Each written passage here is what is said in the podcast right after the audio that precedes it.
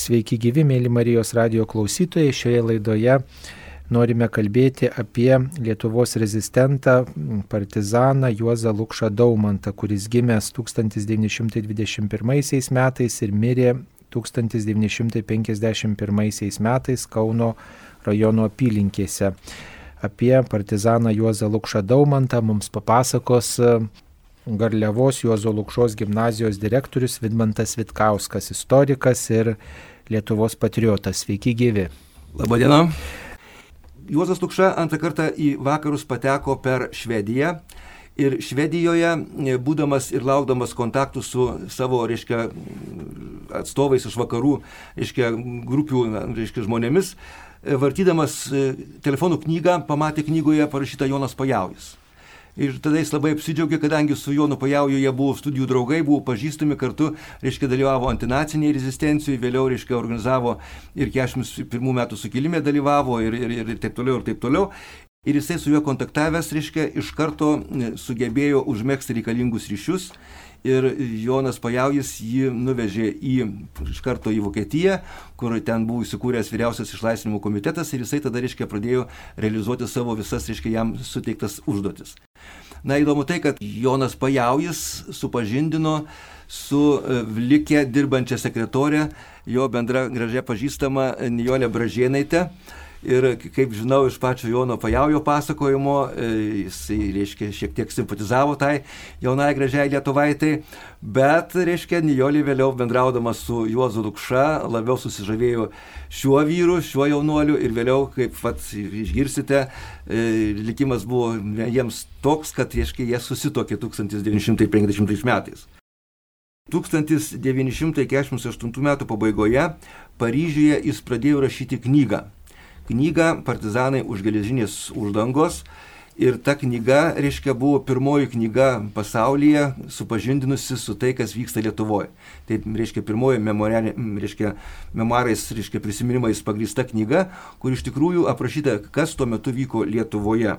Ta knyga vėliau buvo išleista 1950 metais Amerikoje, vėliau Amerikoje buvo išleista pakartotinai dar du kartus, Lietuvoje išleista bent trys leidimai ir tai turbūt vienintelė knyga Lietuvoje, kurioje išleista net penki leidimai lietuvių kalba. Ta knyga išversta yra į anglų kalbą, vertėja Laima Vincijas Ruoginis, į švedų kalbą vertėjas Jonas Omanas ir į vokiečių kalbą Markus Roduneris įvairiai kalbėjai visuomeniai pasaulio, ta knyga yra prieinama ir, ir skaitoma. Ir netgi toks įdomus faktas, sakykime, švedų visuomeniai ta knyga išversta yra 13 tūkstančių tiražų. Tai šiandien mes lietuviškų knygų tokių tiražų, reiškia, retai leidžiame. Ir, ir, ir ta knyga, kaip sako pats jos vertėjas Jonas Omanas, yra tapusi e, bibliografinė retenybė. O dar įdomu, kai, reiškia, dar prieš pat e, nepriklausomybės atkūrimą buvo fotografuotiniu būdu, reiškia, perleista knyga Partizanai Lietuvoje, e, tai ta knyga buvo išleista šimto tūkstančių tiražų. Ir netrukus per ten dešimtmetį ta knyga tapo, sakykime, iš tikrųjų retenybė ir ją reikėjo vėliau išleisti dar kartą papildomai. Ir man teko dalyvauti šitos knygos, reiškia, leidime, buvau, reiškia, redakcinės kolegijos narys. Ten įdomu yra tai, kad čia, kur knygoje yra parašyta partizanai slapyvardžiais, Tai mes esame, reiškia, įvardinę tos, reiškia, sakykime, ten lakštinga, latigras, reiškia, žvė, ž, koks kitas partizaniškas slapyvardis pavardėmis. Ir man labai įdomu, kad, sakysime, tuos žmonės aš paskui, reiškia, skaitydamas slapyvardžiais negalėjau identifikuoti, o čia aš su jais bendravau, aš su jais bendravau, reiškia. Tai, tai tokia, tokia, tokia, tos knygos vertė yra, sakykime, dabar. Va, tai vėlgi rašydamas knygą, Paryžiuje jisai, kaip minėjau, susipažįsta su Niolė Bražėnaitė ir užsimesga tarp jų graži, graži draugystė ir meilė.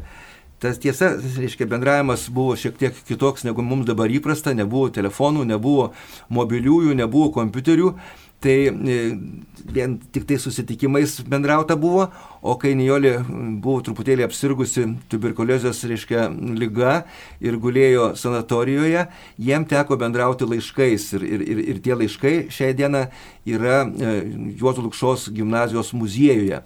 Tai yra Juozo rašyti laiškai Nijoliai. E, gal klausytojai nežino įdomaus fakto, kad e, yra centrinėje žvalgybos valdyboje Amerikoje e, surasti archyvose ir Nijolės laiškai Juozui. Taigi dabar e, vertėja Laima Vincija Sroginė e, ruošiasi artimiausių metų išleisti knygą, kur bus sudėti ir Juozo laiškas, ir Nijolės laiškas. Nes mes iki šiol turėjome tik tai išleistą Juozo laiškų knygą Laiškai mylimosioms. Va dabar mes turėtume knygą, kur tada, reiškia, iš tikrųjų, reiškia, matytume abiejų žmonių susirašinėjimą.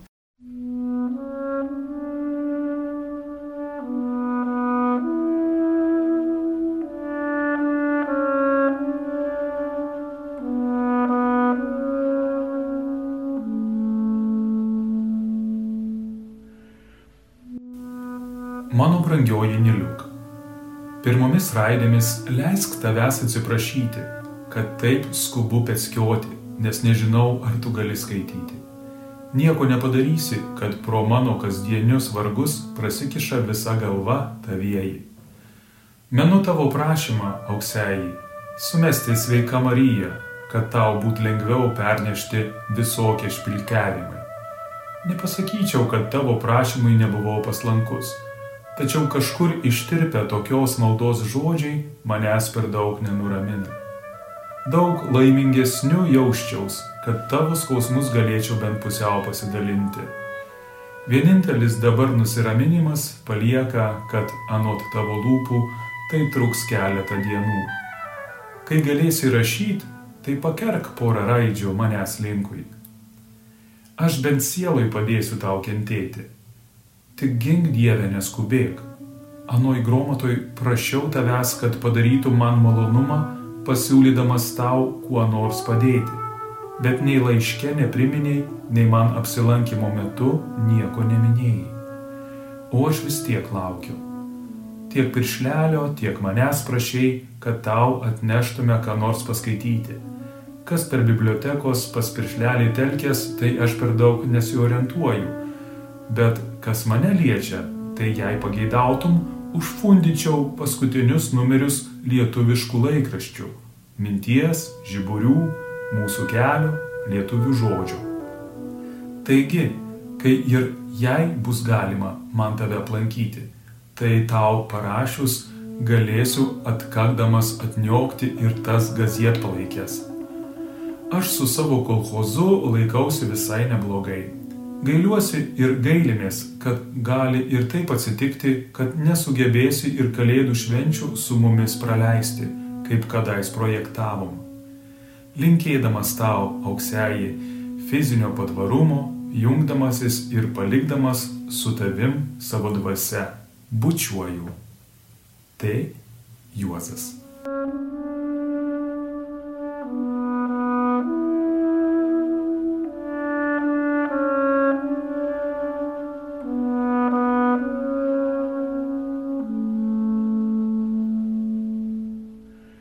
1948 metai, 12 mėnesio 24 diena.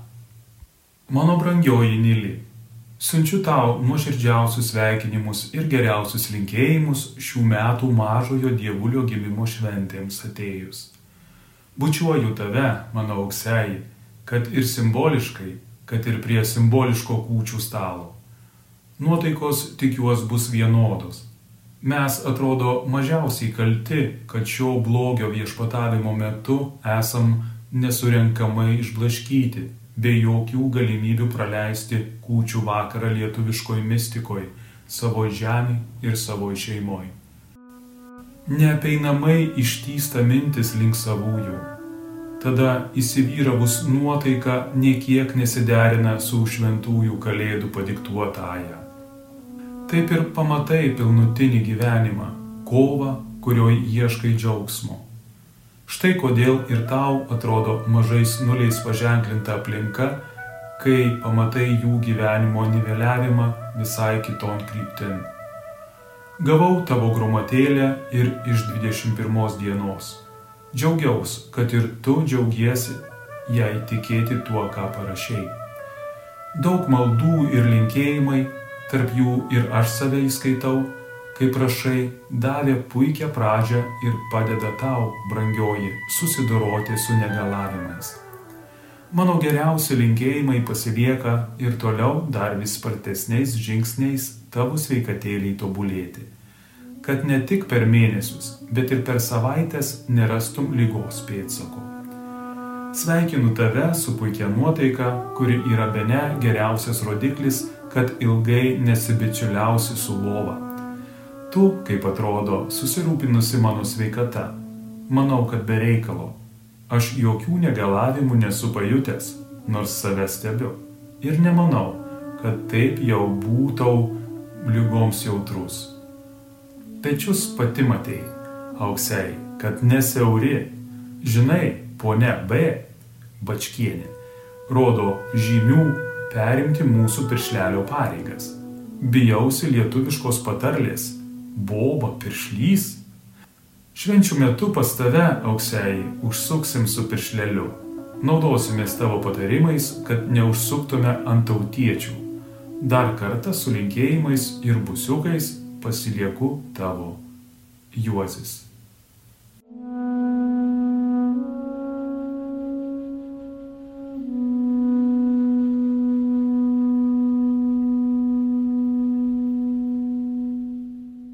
Įdomus faktas, kad e, kai tuokėsi Juozas su Nijole, juos sutokė mano jau minėtas e, prelatas Mykolas Krupavičius, kuris tuo metu vadovavo ir vyriausiam Lietuvos išlaisvinimo komitetui. Tai jis... Čia yra kaip tik tai vat, mūsų rankose knyga e, su Mykolo Krupavičiaus autografu. Juozui ir Nijoliai skrajūnams. O kodėl taip e, įvardinti jėdu? Būdamas, būdamas vakaruose, Juozas niekada nesivadino e, Juozo Lukšos pavardę. Jis rašydamas knygą vadino, reiškia, pasirinko slapyvardį e, Daumantas. Kai vyko su užduotimi iš Lietuvos, jisai turėjo slapyvardį Skrajūnas. E, dar gyvendamas e, e, Prancūzijoje jis pasirašinėdavo Adam Mickevič slapyvardžiu tam, kad jo nesusektų, reiškia, sovietinis agentas. Ir va todėl Myklos Krupavičius padovanojo vestuvinę dovaną, tai Prospero Merime knyga Lokys ir vat užrašė Juozui ir Nijolės krajūnams jų sutoktuvių dieną atminčiais su linkėjimu, kad jiems aukščiausias sujungęs savo sakramentų įsėtų amžino gyvenimo sėklą.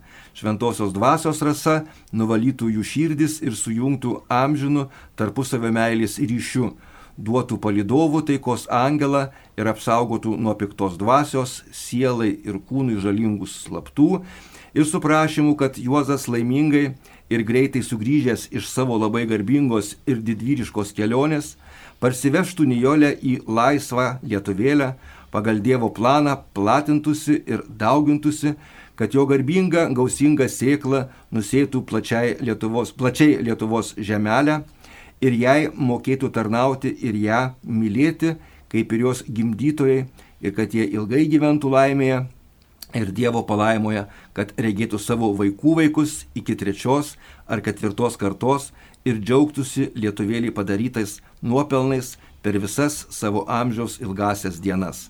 Vokietija, tremtis 1950-ieji, Liepos 23-oji, Mykolas Krupavičius.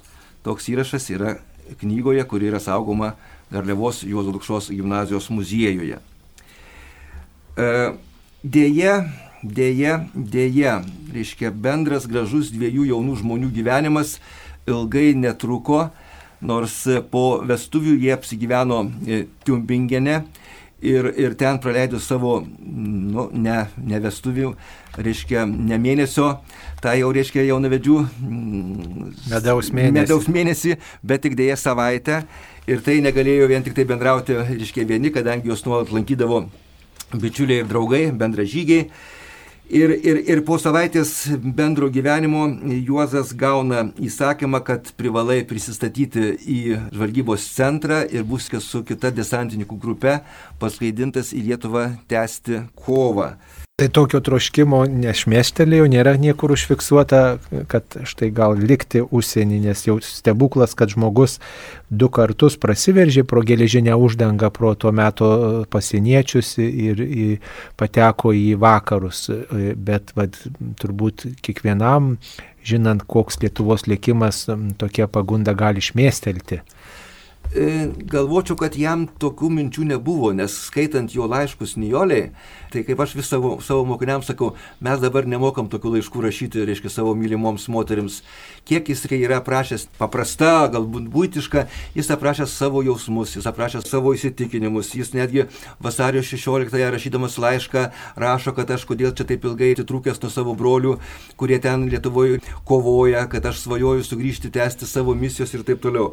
Va, ir jisai ko gero iš tikrųjų, sakykime, samoningai buvo pasiryžęs grįžti į Lietuvą ir netgi, netgi vadindamas Lietuvą pirmąją savo mylimąją, jisai mm, išdryso pasakyti savo žmonai, kad jisai privalo vykti Lietuvon ir ten atlikti savo pareigas toliau. Bet jisai viltį turėjo, kad jisai sugrįž. Jisai turėjo, reiškia, mintį, kad ten jam vėl pabuvus kurį laiką Lietuvoje pavyks grįžti atgal į vakarus.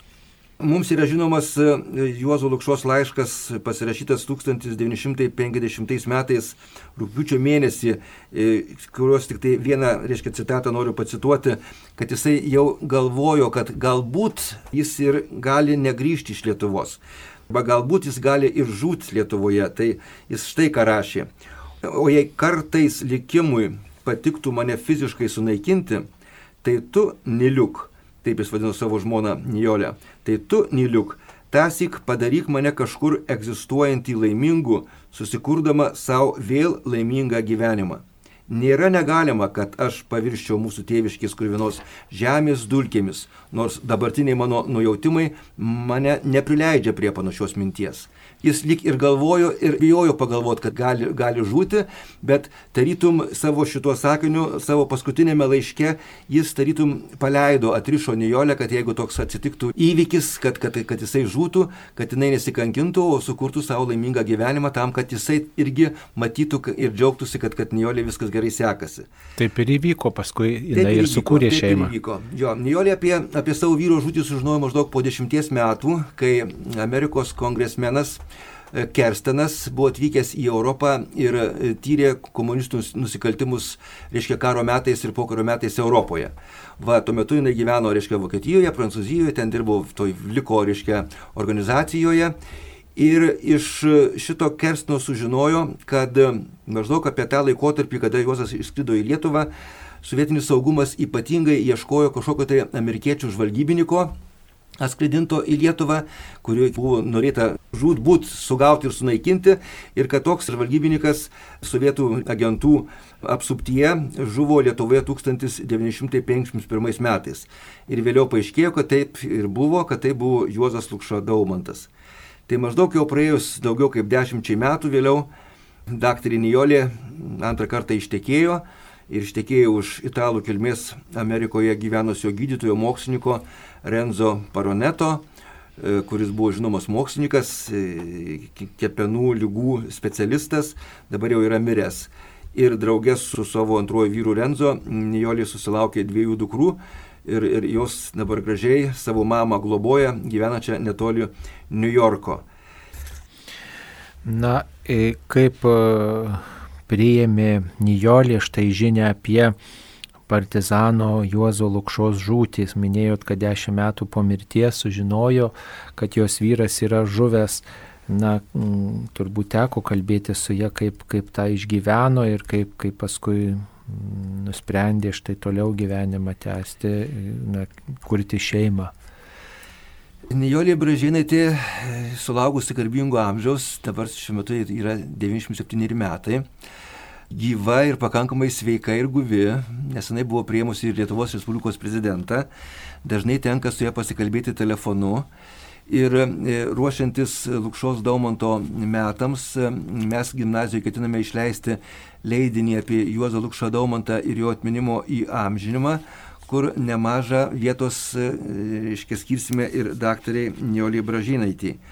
Nesenai susisiekiau su tautos fondu, Amerikoje įkurtų remti lietuvybę ir, ir, ir Lietuvą, kur jos valdytojas atsiuntė patvirtinimą, kad nuo 1974 metų, kada Nijolė pradėjo e, remti lietuvišką veiklą, e, ši kilni moteris įvairiems lietuvybės e, lietuviškumų projektams ir reikalams yra paukojusi savo asmeninių lėšų, kurių yra nei daug, nei mažai.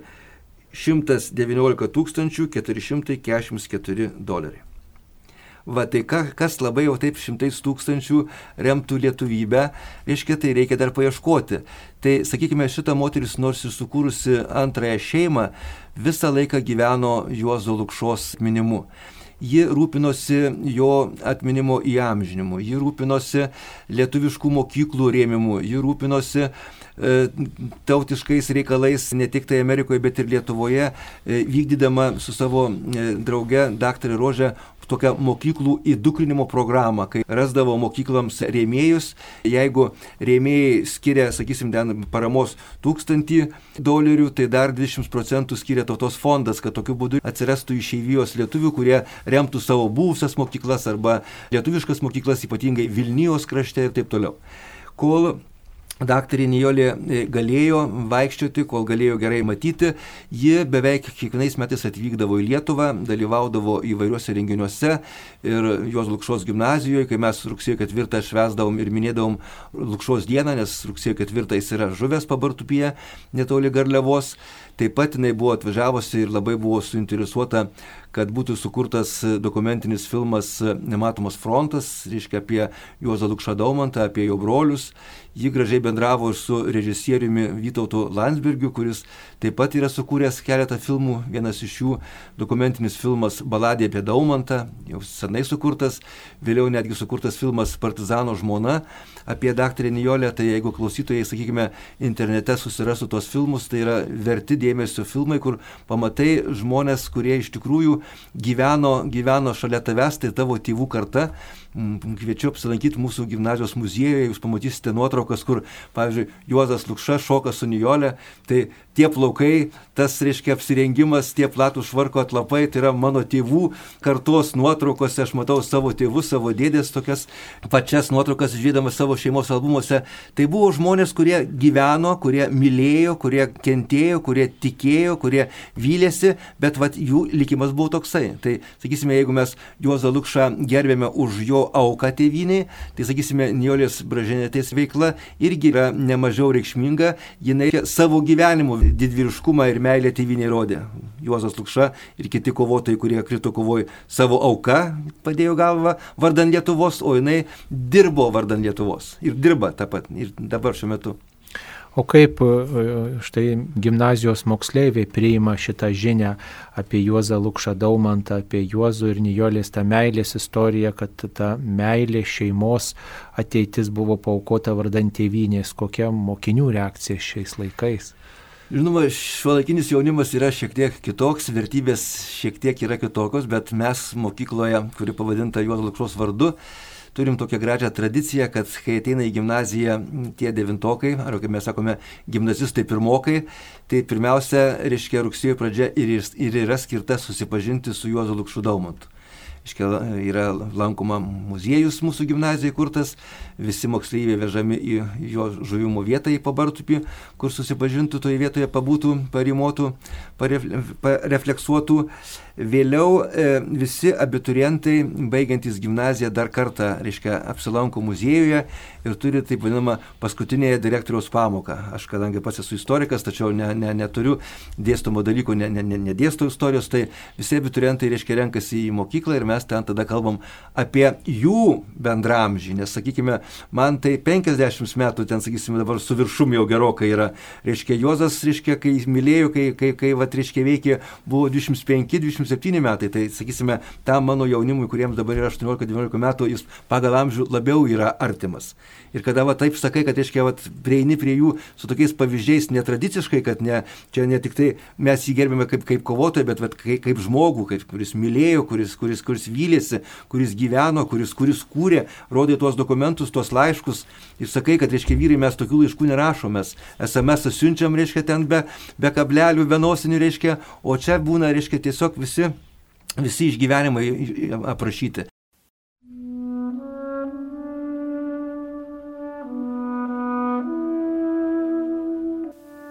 1949 metai 12 mėnesio 31 diena. Mano brangioliai Niliuk. Palydėdamas paskutinius tarpsnius 49 metų, negaliu tau ir raštu bent trumpam akimirksniui negyventi.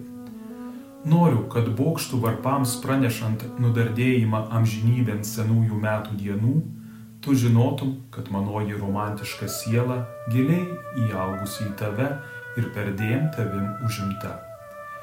Priglausk šią progą manos širdies geriausius tau niliuk linkėjimus naujiems metams.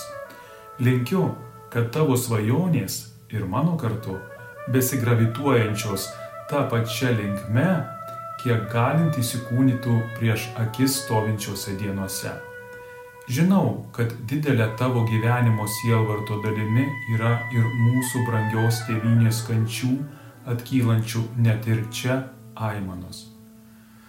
Tau ar tarpusavį noriu palinkėti, kad šie šventieji metai sustabdytų ir nuplautų anuos krūvinojo kelio pėdsakus. Norėčiau šiandien, mano svajonė, būti šalia tavęs ir kaip niekad sustingus kerėti bendrais žvilgsniais tolius, skaudinančius ir gimdančius karčias ir nežinios pilnas dienas, senas, pavargusias nuodėmių vargų ir jaunas, galbūt dar nesutalpinančias savyje optimistiško dinamizmo. Stebėti ir jausti, kad su kiekvienu sutampančiu mudviejų širdžių plakimu, skverbės dviejų vandens lašų panašumo vienokios dūmos, naujoms naujų dienų sekundėms ir išbučiuoti tave, mano brangioji neliuk, tūkstančiai saldžių širdį tarpinančių businių, už tuos mano dabarties dienų pragedrolius ir už ateities šypsnius. Priglausk visą. Tai skrupulas.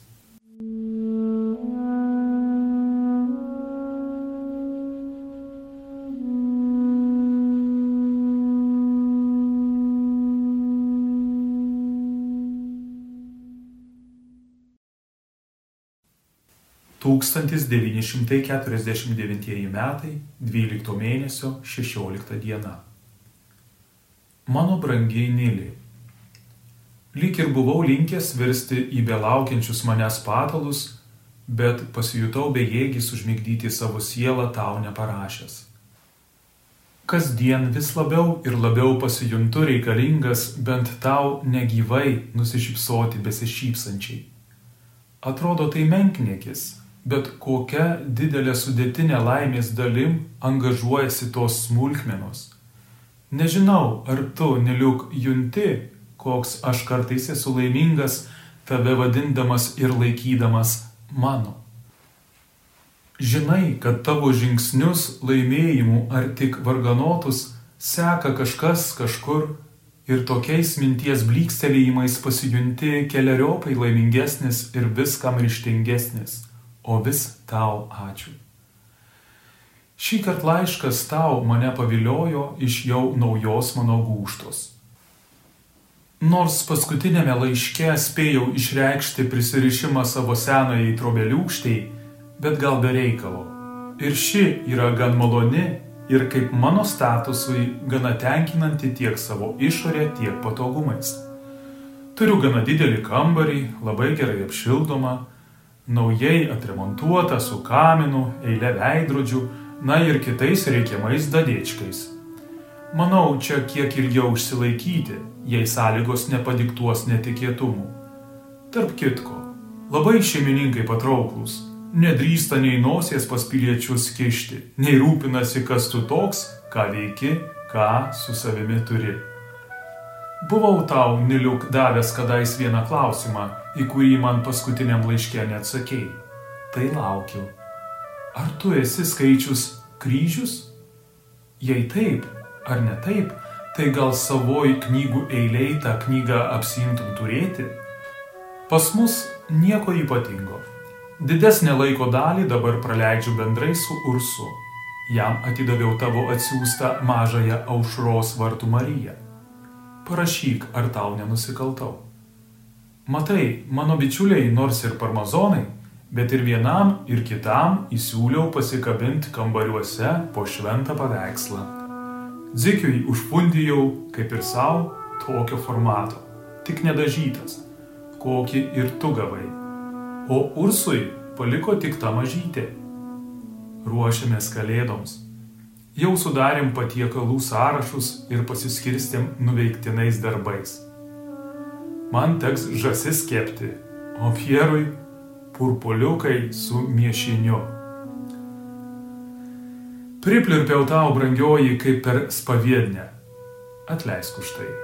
O atsiprašymui lydimas nakties tamsiosios tylumos, klystu į tave mintimis, karštai bučiuodamas tavo brangius kruostus ir nekantriai ilgėdamasis svaigti džiaugsme savo sielui kartu su tavim. Tai skrupulas.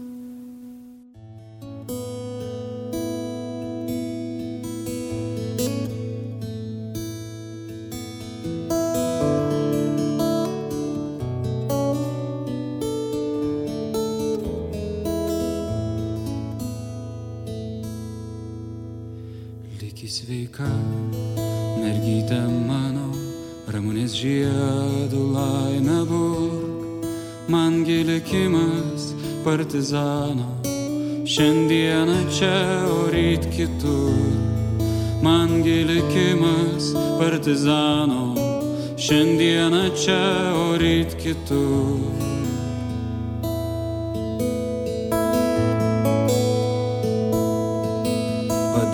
savo ranką baltą, leiski pažvelgti į akis ir valandėlį tą menką, liks man brangiausia atmintis ir valandėlį tą menką, liks man brangiausia atmintis.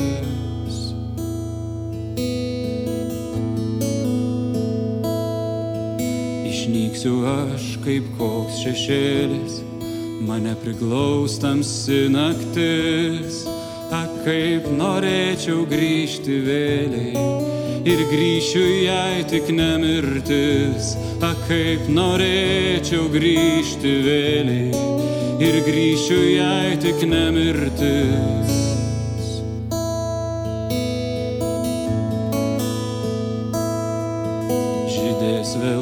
Vasaros auksinės, nauji gėlių žiedai subręs, pamirši tą, kurs dėl tėvynės, prarado viską net tave, pamirši tą, kurs dėl tėvynės,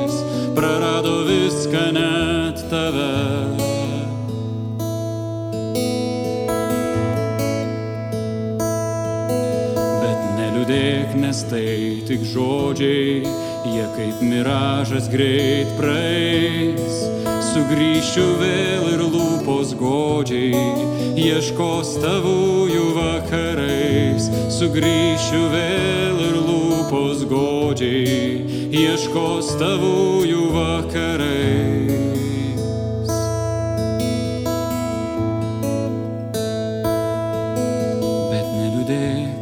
tik žodžiai, jie kaip miražas greit praeis.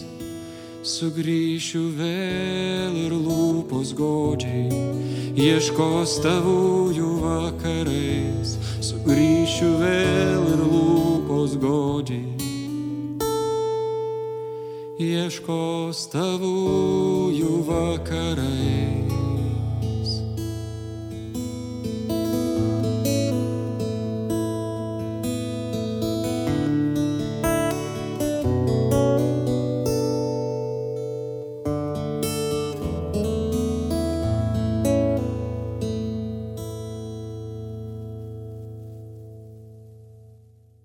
Lietuvių visuomeniai tautoje irgi yra vieni partizanai, kiti kovotojai, kiti miškiniai, kiti banditai ir taip toliau.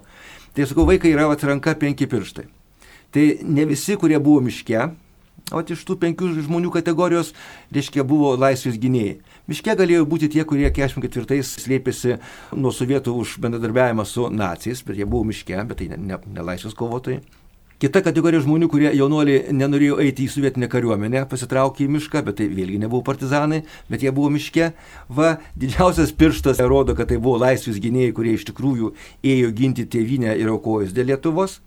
Kita kategorija žmonių tai buvo eiliniai plėšikėliai, kurie ėjo keršyti pasūkininkus, kad mažai sumokėjo gal už darbadienius, gal neišleidai dukros ištekėti už jo, bet tokių banditėlių visą laiką yra. Žiūrėkit, sausio 13 vieni stovėjo prie objektų, o kiti automobilius apiplėšinėjo.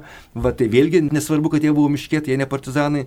Ir penkta kategorija žmonių tai smogikai kurie buvo perrengti sovietiniai agentai ir partizanų vardu eidavo plėšti, plėšikauti, žudyti, kad tokiu būdu atbaidytų nuo paramos partizanams. O geriausias argumentas, kodėl vat, šitie yra kategorija tikri partizanai, tai yra dainos, tautosaka. Kokios dainos yra apie partizanus? Išgirskite nors vieną dainą apie stribus. Nėra. Tokiems, tokiems vaikams su tokiais paprastesniais paaiškinimais suvokimą formuojant, praplečia masakiratis, kadangi ta tokia visuomeninė opinija, prašant, kritikuojant va, tas vanagaitės iškėlimas vien tik tai holokausto problemų, kad čia ir tie Lietuvos sukilėliai ar partizanai buvo susitepę su šitos tautos žmonių krauju, gal ir buvo, bet mes nesuabsoliutinkim tokių dalykų. Visose visuomenėse, visose šeimose visokių, vienas turtingas, kitas neturtingas, vienas protingas, kitas ne, vienas drasus, kitas nedrasus, tai taip kaip šeimoje, taip kaip ir visuomeniai gali būti visko. Nes pamėginkite bunkeryje, vat, gruodžio mėnesį pagulėti po žemę ar ne, kada yra aptekėję visokie vabaliukai, psichologiškai žmogus palūžęs, gal kažkokiu tai ir buvo nusižengimų ar nusikaltimų ir partizanų tarpe, bet pavyzdžiui, partizanai turėjo savo struktūrą, turėjo savo statutus, turėjo savo uniformą ir tai buvo kariuomenės struktūra. Ir, ir, ir mes baigėme sakyti, kad partizanai tai kažkokie niekadėjai, kurie, kurie buvo nusižengėliai. Bet e, šito partizano Juozo Lukšaus Daumanto ir e, jo žmonos Nijolės gyvenimo istorijoje turbūt tas yra išraiškingiausias momentas, kad dėl E, tėvynės, dėl tos kovos už tėvynę, na, žmogus atsisakė šeimininės laimės, galėjo ten kažkokiu būdu likti turbūt ir e, gal paprašyti ar politinio prieglopščio, ar dar kažkokį kitą būdą atrasti, bet atsisakė tos galimybės, kuri tikriausiai bent teoriškai galėjo šmėžuoti to žmogaus gyvenime ir grįžo tam, kad žūtų už tėvynę. Turbūt tą mintį jisai suvokė labai aiškiai. Va tai čia aš vėlgi kalbėdamas su jaunaja karta ir sakau, reiškia, nepabuvęs toje vietoje, negali nei reikšti savo nuomonės, nei kritikuoti, nei spręsti. Nežinai, kaip tu elgtumėmės, jeigu vėl prasidėtų okupacija, ar tu lėktum į vakarus, o jeigu tu išvažiavęs į vakarus, ar grįžtum į Lietuvą ginti tėvynės, nežinai, nes toj situacijoje nesi. Kai galvoju apie Juozą, tai iš tikrųjų yra unikali asmenybė galėjo jis ten likti. Juk daug laisvės kovotojų, prasidėjus antrai sovietiniai okupacijai, pasitraukė į vakarus. Ir tas pats Jonas Pajaujas. Jis negryžo, jis sulaukė savo mirties, sulaukus nepriklausomybės ir kiti jo kuvų draugai. Bet Juozas Lukša ir Julijonas Butienas, kuris buvo žinomas nepriklausomai Lietuvoje žurnalistas, nugalėjo likti. Bet juos vedė kažkas tai, ko mes dabar neturime. Juos vedė kažkoks tai ryškus tikėjimas tuo, ką darai. Mes dabar konformistai renkamės naudingą, nenaudingą, darom taip ar kitaip, o kas man iš to, o tada buvo kažkoks tai tikėjimas, kad kitaip būti negali. O tai čia šitų žmonių kartos yra mums didžiausias priesakas, kad ir mes kažkiek tai aukokimės, darykim taip, kad būtų gerai. Mėly klausytojai, šioje laidoje apie partizaną Juozą Lukšą Daumantą ir apie jo gyvenimo istoriją kalbėjo Garliavos Juozo Lukšos gimnazijos direktorius Vidmantas Vitkauskas. Ačiū, sudė, visiems linkim meilės Lietuvai. Sudė.